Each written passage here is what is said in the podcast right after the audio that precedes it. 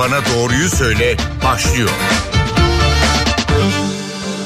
NTV Radyo'dan herkese yeniden merhaba. Ben Aynur Altunkaş. Doktor Bana Doğruyu Söyle programında birlikteyiz. Bugün Anadolu Sağlık Merkezi Nörolojik Bilimler Direktörü Profesör Doktor Yaşar Kütükçü program konuğumuz. Hocam hoş geldiniz. Hoş bulduk. Teşekkürler. Bu hafta Parkinson'u çok konuşacağız. Zira 11 Nisan Dünya Parkinson Günü. Bu sebeple de Profesör Yaşar Kütükçü'yü konuk etmekteyiz. Bu arada dinleyenlerimiz de programa sorularıyla katkıda bulunabilirler. Az sonra canlı yayın telefon numaralarımızı da hatırlatacağım.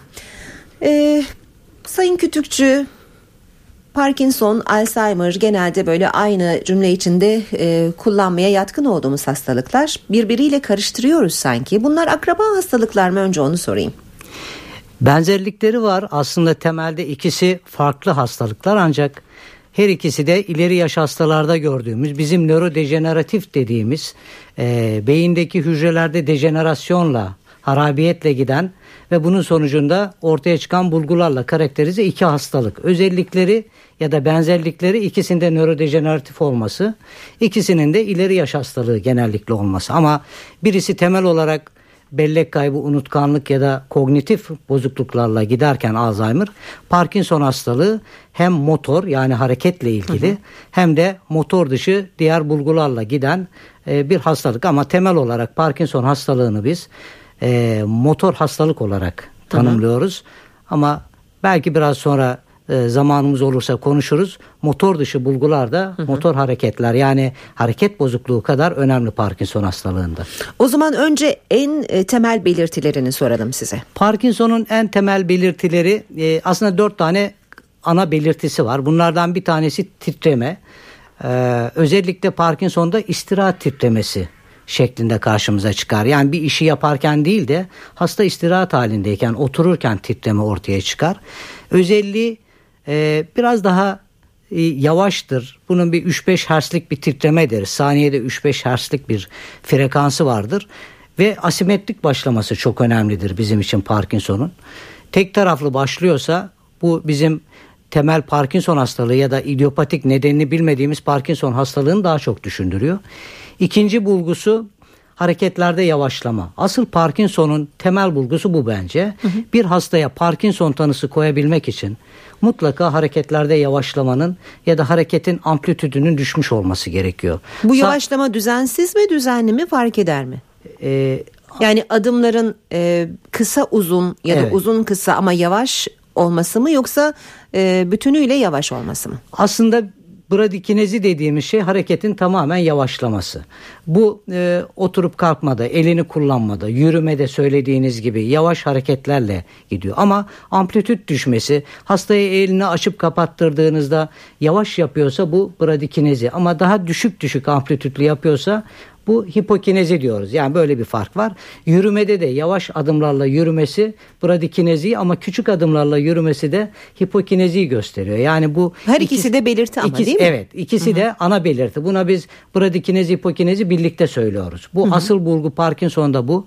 Eğer bu yoksa sadece titremeyle Parkinson tanısı koymak yanlıştır. Yan, e, yanlış tanılara ya da yanlış tanı koymamıza neden olabilir. Bu bulgunun mutlaka olması gerekiyor. Hareket dışında peki başka bulgular? E, bir e, iki e, ana bulgu daha var. Onlardan da isterseniz kısaca bahsedeyim. Bir tanesi kol ve bacaklarda sertlik, katılık. Hasta kullanırken kolunu bacağını tam kullanamadığını söyler. Daha az görülen biraz da ileri evre Parkinson'da gördüğümüz bir de denge bozukluğu vardır. Bu dördü e, ana bulgular. Bunların dışında işte Parkinson'lu hastada biliyorsunuz yüz ifadesi değişiktir. Bradimimi deriz. Maske yüz oluşur.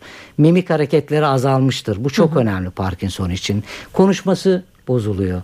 Ee, daha yavaş sesle e, emosyondan uzak e, alçak sesle ve yavaş konuşuyorlar. E, onun dışında e, non motor dediğimiz yani hareket dışında e, birçok bulgu var Parkinson hastalığında. Bunlar özellikle e, koku almada azlık olabilir Parkinson hastalarında.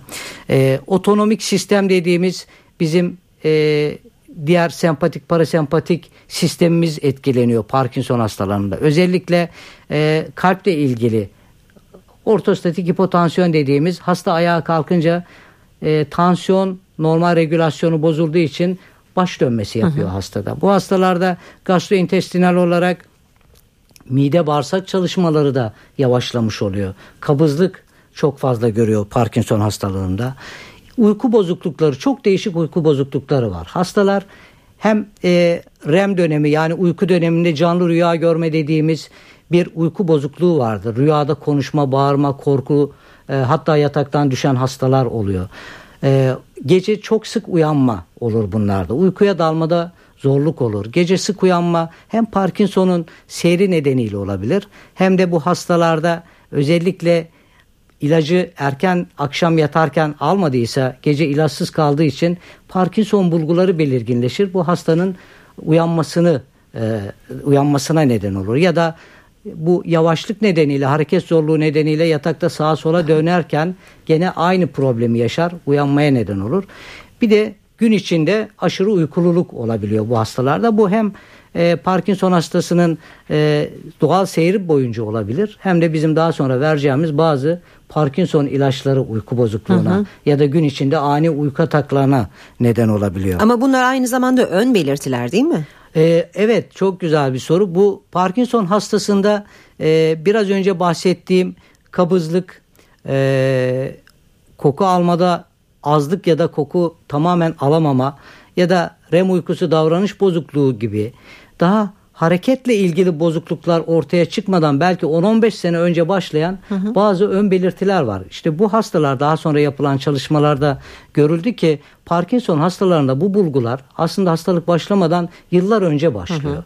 Yani bu da aslında bize şunu getiriyor. Son yıllarda yapılan bir çalışmada da bu kanıtlandı. Almanya'da özellikle güzel bir e, patolojik çalışmayla da gösterildi. Parkinson hastalığı hareketi sağlayan beyin sapındaki substansiya nigra dediğimiz çekirdekte o dopamin hücreleri hasarlanmadan önce aynı patoloji bağırsaklarda daha az seviyelerde koku e, liflerinde filan da e, biriktiğini gösterdiler. Yani Parkinson temel bulguları başlamadan önce vücudun değişik yerlerinde Parkinson aslında başlıyor ama biz bunu hı hı. bilmiyoruz. O zaman e, kabaca bir tahminle bu belirtilerin 40'lı yaşlarda ortaya çıktığını söyleyebilir miyiz? E, Parkinson aslında e, ileri yaş hastalığı. E, dediğiniz gibi 60 65 biz artık ileri yaşlarken eskiden 60 diyorduk. Şimdi 65'i de geçtik. Evet. 70'ten sonraki hastalara ileri yaş hastalığı evet. diyoruz. Ee, insan ömrü uzadıkça bizim ileri yaş sınırımız da artıyor. Dediğiniz çok doğru. Bu ön belirtiler yaklaşık olarak 10-15 40'lı 45'li yaşlarda başlamış olması gerekiyor. Hı hı. Ama bu dönemde tanıyı koyduracak e, bir özel bir belirteç yok.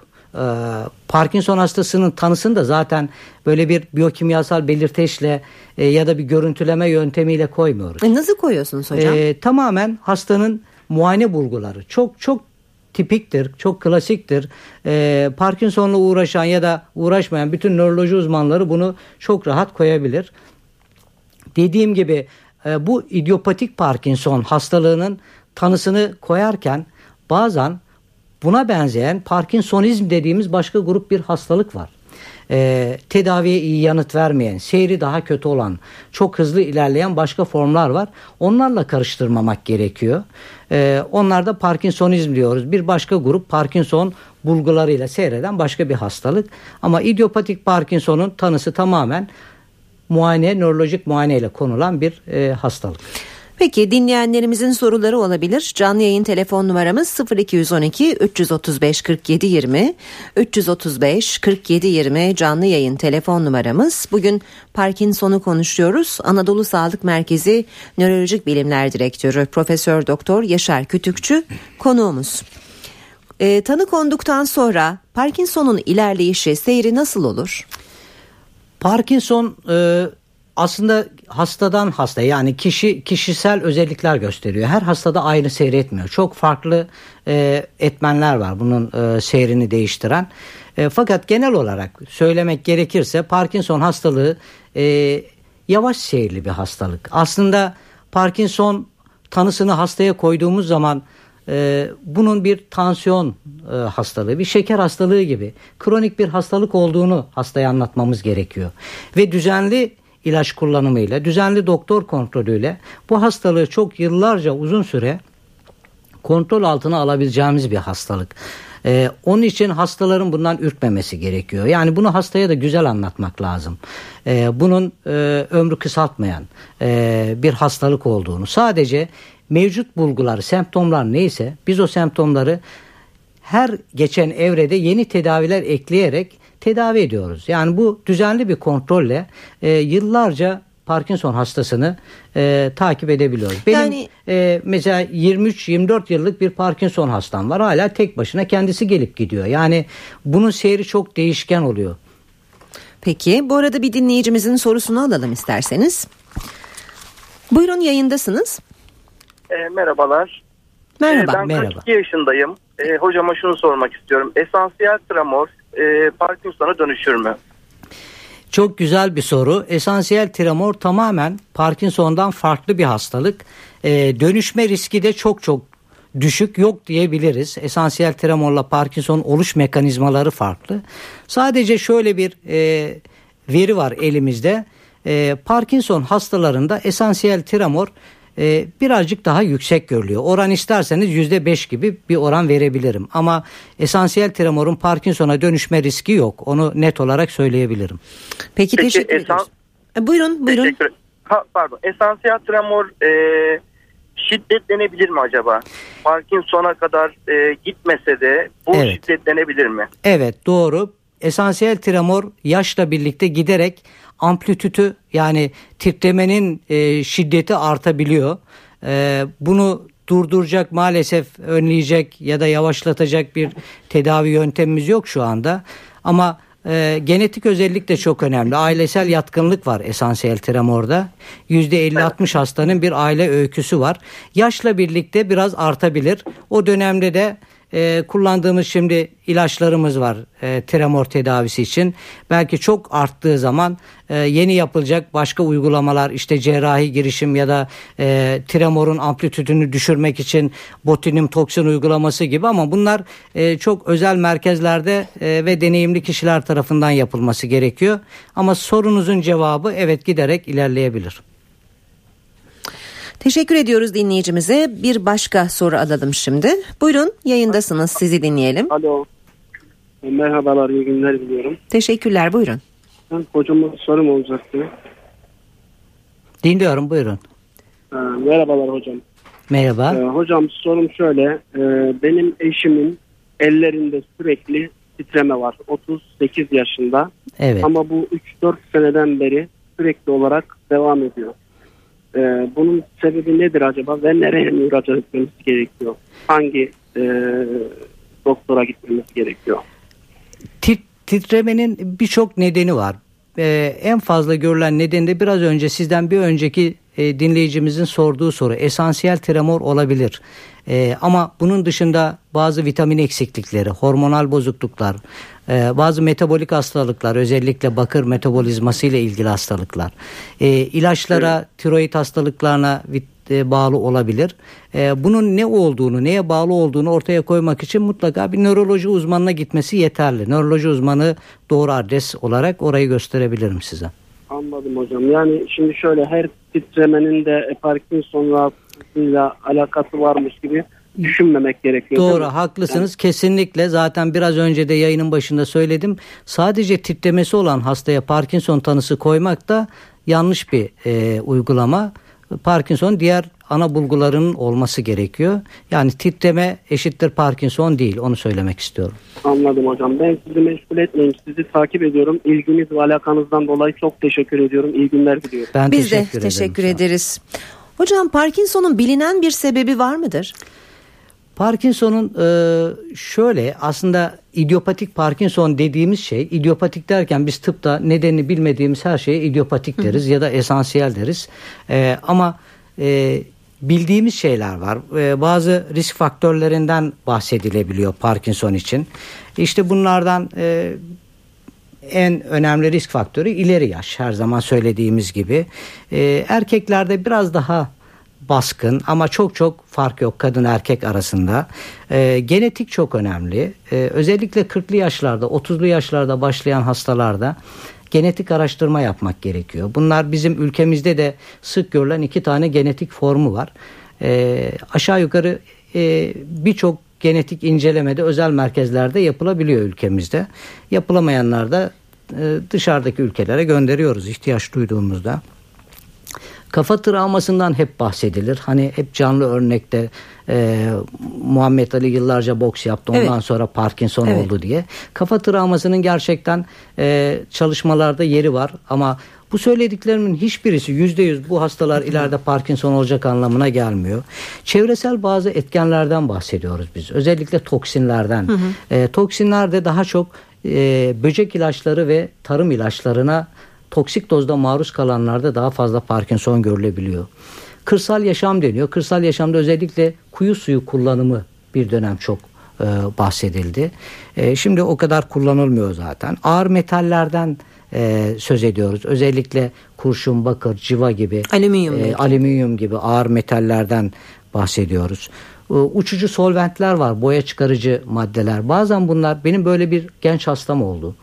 E, 32 yaşında e, bu solvent e, kendi iş yerlerinde kullandıkları bir madde e, ve 32 yaşında iki taraflı ağır Parkinson bulgusuyla gelmişti ve MR bulgusu da vardı e, bu hastamızda.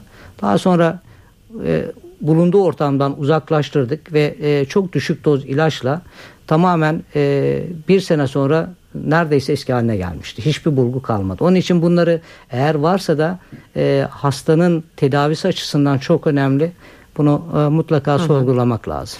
Tabii şu akla şu soru da geliyor. Evlerimizde de bazen bu maddelere maruz kalabiliyoruz. Örneğin e, alüminyum folyaları kullanabiliyoruz. Evet, evet. Yani bunun ne oranda ne sıklıkta ne yoğunlukta kullanırsak bir risk oluşturur. Tamamen mi hayatımızdan çıkarmak gerekir? Ee, aslında bu söylediğim sadece Parkinson için değil nörolojik birçok hastalık için ağır metaller konuşuluyor. Hı hı. Yani e, bunu biliyoruz biz. E, o hastalıkların da ismini tek tek saymak istemiyorum zaman kaybı olmasın hı hı. diye ama e, benim söylediğim tabii toksik dozda kullanmak. Ama gene de alüminyum kullanımını ben e, benim kişisel görüşümü sorarsanız ben bunun gerçekten çıkarılması taraftarıyım hı hı. günlük yaşantımızdan. Hatta bende biraz fobi bile oluşmuştur alüminyuma karşı. Onun e, içinde satılan gıdaları gördükçe ben mutlaka gidip müdahale ediyorum. Hı hı. Hastanede de olabiliyor. Bu dışarıda da olabiliyor. Ve mümkün olduğu kadar bunu kullanmamak gerçekten doğru. Nörodejeneratif hastalıklarda ağır metaller e, önemli bir etken. Peki e, beslenmenin bir etkisi var mı? Belli gıdalardan kaçınarak Parkinson'u önleyebilir miyiz?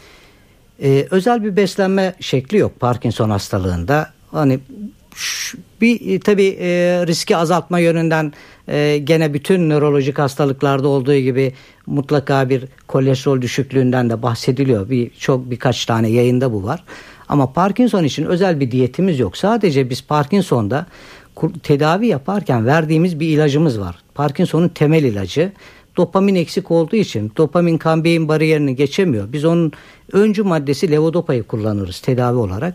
Levodopayı verdiğimizde e, eğer yüksek miktarda protein alınmışsa yemekte o proteinlere bağlanıp vücuttan atılıyor. Yani beyne geçişi mümkün olmuyor. O nedenle levodopa kullanan hastaların özellikle ilacını aç alması gerekiyor. Aç derken de bu çok önemli. Hastalara mutlaka bunu e, defalarca anlatıyoruz. Ya yemekten bir saat önce ama unutup yediyse de en az bir saat sonra levodopayı alması gerekiyor. Özellikle et, süt, yumurta gibi proteinli gıdalarla birlikte alınırsa etkisini kaybediyor hı. ya da azaltıyor.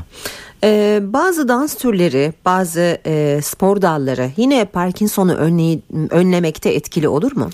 Parkinson hastada biz mümkün olduğu kadar hareket diyoruz. Aslında e, yarın Dünya Parkinson Günü'nü kutlayacağız e, İstanbul'da da ve bütün Türkiye'de aktivitemiz bu konuda. 11 Nisan'dan önce kutlayacaksınız. 11 Nisan'dan önce kutlayacağız çünkü 11 Nisan e, Parkinson kongremizin başlangıç tarihi olduğu için hı hı. E, kongrede olacağız. Bütün e, bu işle uğraşan nörolog arkadaşlar. Onun için biz iki gün önce ayın 9'unda kutlayacağız. E, orada da e, anlatacağız. E, onun da temel teması harekete geç. E, hı hı. Bunu kullanıyoruz. Her şey için harekete geçmek lazım. Ben Parkinson'lu hastalarıma hep söylediğim şu. Mümkün olduğu kadar hareketli olun. E, kendi işinizi kendiniz yapın. Ekstra yürüyüşler üretin. Bu hastalık bende var diye bir köşede oturup kalmayın sakın. Bunları söylerken biz mümkün olduğu kadar hareket derken şimdi sizin sorunuza geliyorum. Yani özel böyle danslar, denge ile ilgili bazı e, tai chi tarzı e, e özel egzersizler. Bunlar, yoga belki. Yoga evet. Bütün bütün aslında e, bu bu tip e, fizik tedavi uygulamaları ya da egzersizler Parkinson hastaları önerdiğimiz şeyler. E, ama özellikle hani şu e, Parkinson'u azaltır, bu azaltır ya da engeller tarzında bir şey diyemiyoruz ama hastanın günlük yaşam aktivitesini mümkün olduğu kadar düzeltmek ya da normale yaklaştırmak için bu hareketleri öneriyoruz hastalara. Dinleyicilerimizi hatırlatalım. Bugün Parkinson'u konuşuyoruz. Anadolu Sağlık Merkezi Nörolojik Bilimler Direktörü Profesör Doktor Yaşar Kütükçü ile birlikteyiz. Sorularınız varsa canlı yayın telefon numaramız 0212 335 47 20 335 47 20. Tekrar beslenmeye dönecek olursak e, bir araştırmada görmüştüm karşıma çıkmıştı. E, kahvenin iyi geldiği ya da önleyici bir etkisi olduğu söyleniyor. Katılıyor musunuz buna? Buna katılıyorum. Ee, özellikle e, kafein içeren e, içeceklerde e, ve hatta yiyeceklerde belki e, Parkinson'la ilgili koruyucu etkisinden e, bahsediliyor. Bununla ilgili e, dediğiniz gibi e, çalışmalar var. Bunu biz de kabul ediyoruz. E, onun dışında biraz önce bahsettiğimiz çok da aslında korumaya yönelik bir şeyimiz yok. Ama en başta sizin sorduğunuz bu çok güzel soru kafein e, bizim Parkinsonlularda bildiğimiz e, koruyucu bir önlem. Egzersizden biraz önce bahsettik. Belki D vitamini yüksek tutmak yani D vitamini düşüklüğü olmaması Parkinsonlular için önemli. B12 vitamini örneğin? B12'de çok böyle bilinen bir şey e, yok. Hani birebir B12 ile ilgili yok ama non steroid antiinflamatuar kullanımıyla ilgili bir ara koruyucu olduğu söyleniyordu. Ama bu çalışmalar daha böyle büyük çalışmalar değil. E, bu bunlarla ilgili hani biraz önce söylediğim kolesterol seviyesinin düşürülmesi falan. Bunlar koruyucu önlemler içinde geçiyor ama e, ne kadar koruyor o konuda gerçekten elimizde objektif veriler yok. Tıp dünyası hala evet, araştırmalarını yap, sürdürüyor. Sürdürmek zorundayız evet. Peki bir dinleyicimizle daha konuşacağız. E, buyurun yayındasınız sizi dinleyelim. İyi günler efendim. İyi günler. İyi günler. E, doktor Bey e, sağ olun. Doktor Bey e, epilepsi hastalarının Parkinson'a dönüşme riski var mıdır bu nöbet geçiren hastaların? Evet. Sorun bu olacak. Tamam. Teşekkür ederiz. Teşekkürler. Şimdi ikisi ikisinin e, tek or, ortak özelliği ikisinin de beyinle ilgili olması ama e, başka bunun dışında birbirleriyle ilişkili bir ortak özellikleri yok. E, epilepsi ile Parkinson tamamen farklı hastalıklar.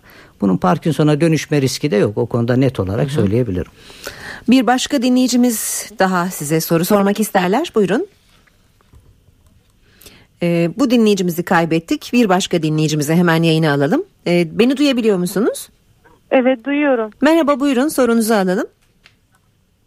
Ha, e, merhabalar. E, şimdi benim annem 2011'de ameliyat oldu. Evet. Geçmiş olsun. Parkinson evet. için mi ameliyat oldu? Evet, evet. ameliyat oldu. E, beyin pili takıldı kendisine. Ondan evet. sonra e, çok rahatladık. Hocam benim sormak istediğim e, şöyle bir soru var. Annem günlük aktivitelerinde e, böyle sporla uğraştığı zaman çok çok iyi oluyor. Ve bu sefer kullanmış olduğu madopar yani levodopa hı hı. E, inanılmaz derecede istem dışı hareket yapıyor ona. Yani biz bu ilaçları böyle e, hiç kullanmasak çünkü kullanmadığı zaman da çok fazla bir şey olmuyor. Hani bir eksikliği olmuyor ama psikolojik olarak hani kullanmadığı zaman sanki bir şey olacakmış gibi hareket yapmaktan çekiniyor bu sefer. Ee, hani bu ilaçları kullanmadığımız zaman bize bir zararı olur mu? Onu ben merak ediyorum. Peki e, geçmiş olsun diyeyim ben e, annenize ederim. de. Fakat bu soru çok güzel bir soru. Şu bakımdan soru benim e, söylemek istediğim fakat söylemediğim bir konuyu hatırlattı. Parkinson ilaçlarını lütfen birden kesmeyin. Çok tehlikeli. Yani e, bizim e, nöroleptik malin sendrom dediğimiz bir tablo. E, hastanın e, yaşa hayatını bile tehlikeye sokabilecek bulgulara neden olabiliyor. O nedenle hı hı. Parkinson hastaları ilaçlarını doktorun haberi olmadan azaltıp kesmemesi gerekiyor. Bu çok önemli. Şimdi sizin söylediğiniz soruya geleyim. Evet. Ee, bu e, levodopa aldıktan sonra ya da diğer dopaminle şey Parkinson'la ilgili diğer ilaçları aldıktan sonra hastaların kol ve bacaklarında yüzünde e, bütün gövdede istemsiz hareketler ortaya çıkabiliyor. Biz buna evet. diskinezi adını veriyoruz. Bunun hı hı. aslında temel nedeni uzun süre e, leodopa ya da e, dopaminerjik ilaç ya da işte Parkinson ilaçlarını kullanan hastalarda bir süre sonra bunlar gelişiyor. Bunu önlemek pek mümkün olmuyor. E, bu tip istemsiz hareketleri olanlarda doz azaltımı ya da doz ayarlaması haklısınız doğru ama dozu tamamen kesmek yanlış olabilir. Aklınızda tamam. bulunsun lütfen. Zaten tamam. yapılan cerrahide de e, bir kısım cerrahi hem Parkinson bulgularını düzeltiyor hem de bu istemsiz hareketleri azaltıyor bu doğru. E, derin evet. beyin stimülasyon dediğimiz yöntemle. Ee, geçmiş olsun diyelim size. Teşekkür ederiz yayına katkı için. Ben de size beyin pilini soracağım hocam ama dinleyicilerimiz de beklemekteler. Hatta e, onları daha fazla bekletmeyelim. Buyurun sizi dinliyoruz. Merhaba Kadir ben. Buyurun. Ee, bir yakınım Parkinson hastası. Şimdi e, bazı beslenme alışkanlıkları ile ilgili araştırmalar yaptığımızda ketojenik beslenmenin e, Parkinson hastalıkları üzerinde e, yaşam kalitesini arttıracağına dair birkaç e, bilgiye eriştik. Bunun üzerine bu beslenme türüyle ilgili Türkiye'de iddialı bir doktor var. E, ondan randevu alıp gittik görüştük. E, o da bizden e, kimyasal vücut kimyasal e, analizi gibi bir şey istedi. Yurt dışında bir tahlil yaptırmamız gerekiyormuş. Şimdi e, bu işte hani beslenme alışkanlığını ketojenik beslenmeye e, çevirerek verimli bir e, yaşam kalitesini arttıracak bir yöntem elde etmiş olur muyuz yoksa beyhude bir çaba mıdır? Bunu hocama sormak isterim. Teşekkür ederiz soru için. Ne dersiniz hocam? Çok güzel bir soru. Şimdi e, beyhude bir çaba mıdır e, onu ne söyleyemiyorum. Çünkü gerçekten bizim Parkinson hastalarında yaşam kalitesini artırmak için e, bu ketojenik diyetten e, hep söz ediliyor. Epilepside de söz ediliyor. Bilmeyenler için açalım mı ketojenik diyet nedir? E, ketojenik diyet e, bunun özel bir e, şöyle anlatayım. E, epilepsi hastalarında ve e, Parkinson hastalarında bunlarda e, özellikle asit e, seviyesini artıran bazı gıdaları şeyden çıkarmak gerekiyor. Bunlar çok çok farklı tahıl grubundan da var, sebze grubundan da var. Bunları farklı şekillerde e, bizim özel e, listelerimiz var. Diyetler, diyet listeleri var. Onlarda zaten yasak olan gıdaları hastalara e, iletiyoruz. Sanırım Ama, düşük karbonhidrat evet, evet, karbonhidratı zaten e, temel olarak lifli gıdaları içeren bir şey. Karbonhidrattan yoksun bir e, diyet. E, zaten e, amaç da o ona bağlı ortaya çıkacak e, asidik e, ortamı engellemek hı hı. şeyde.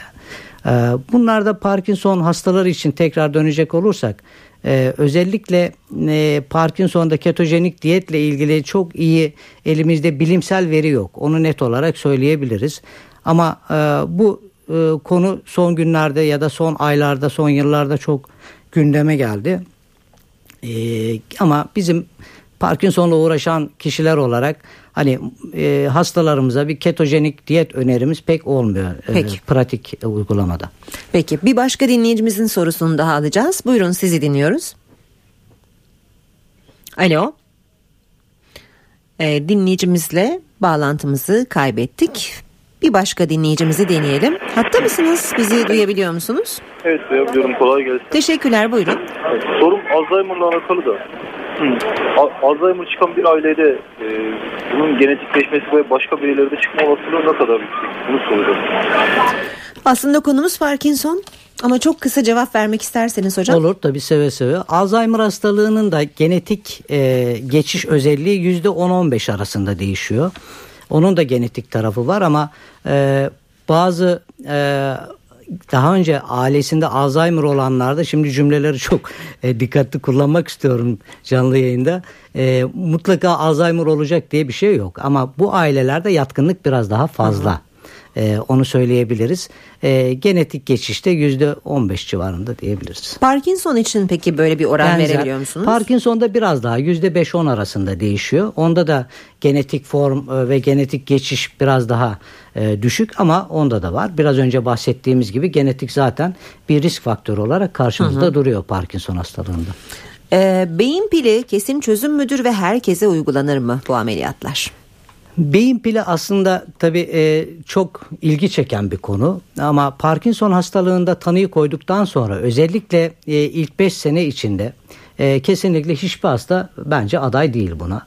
E, beyin pili uygulaması ileri evre Parkinson hastalarında bir tedavi seçeneği. Ama her hastada e, beyin pili uygulaması maalesef yapılamıyor.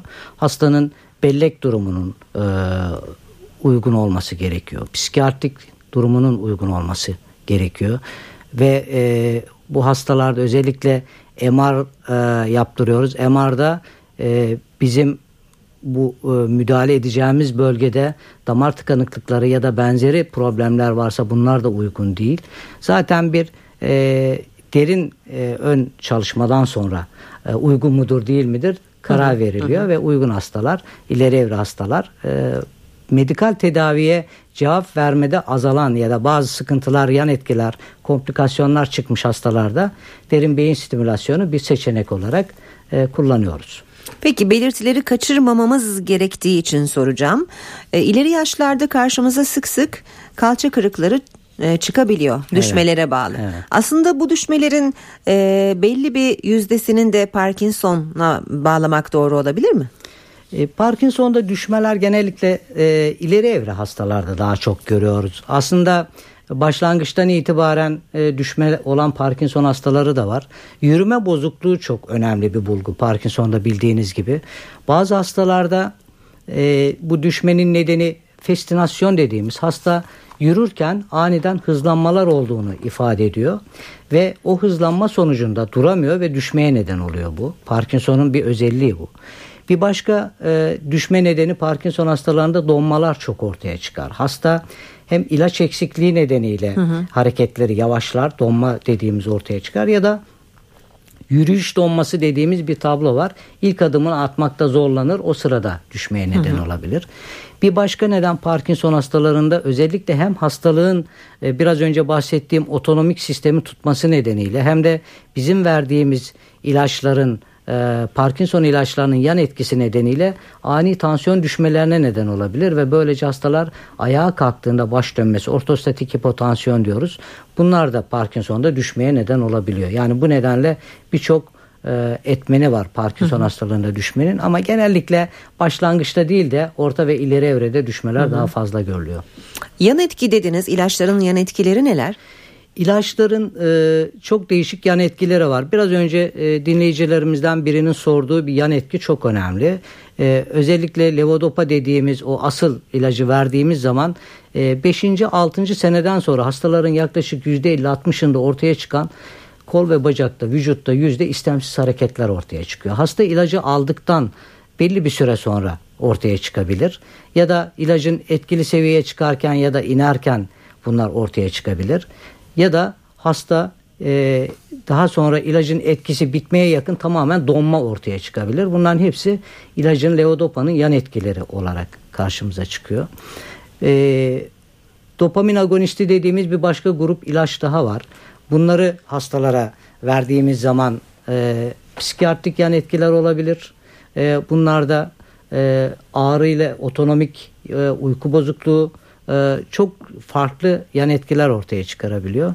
Özellikle dopamin agonisti dediğimiz ilaçlar ani uyku atakları yapabilir. Genç hastalara verdiğimizde çok enteresan e, dürtü kontrol bozukluklarına neden olabiliyorlar. Hı hı. E, bunlar e, mesela aşırı alışverişe hasta yönelebilir. Hı hı. E, kumar alışkanlığı e, ya da e, patolojik kumar dediğimiz seviyede kumar oynamaya başlayabilir. Bunlar ilaçların yan etkileri. Hiperseksüalite olabilir özellikle genç erkek hastalarda.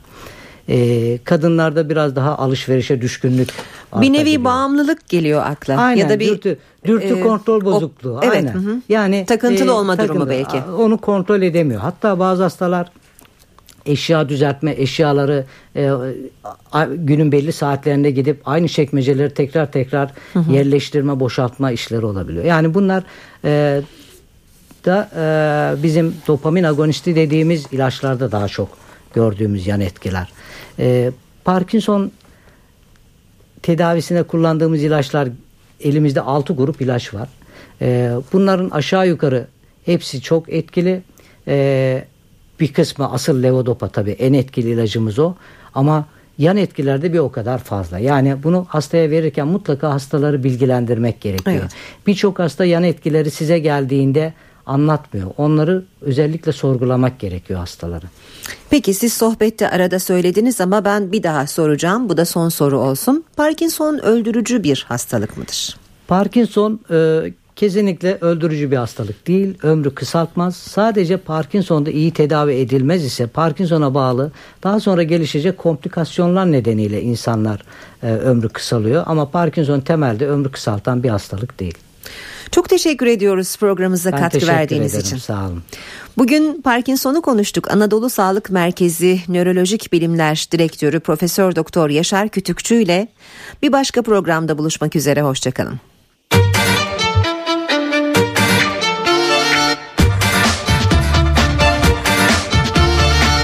Doktor bana doğruyu söyle.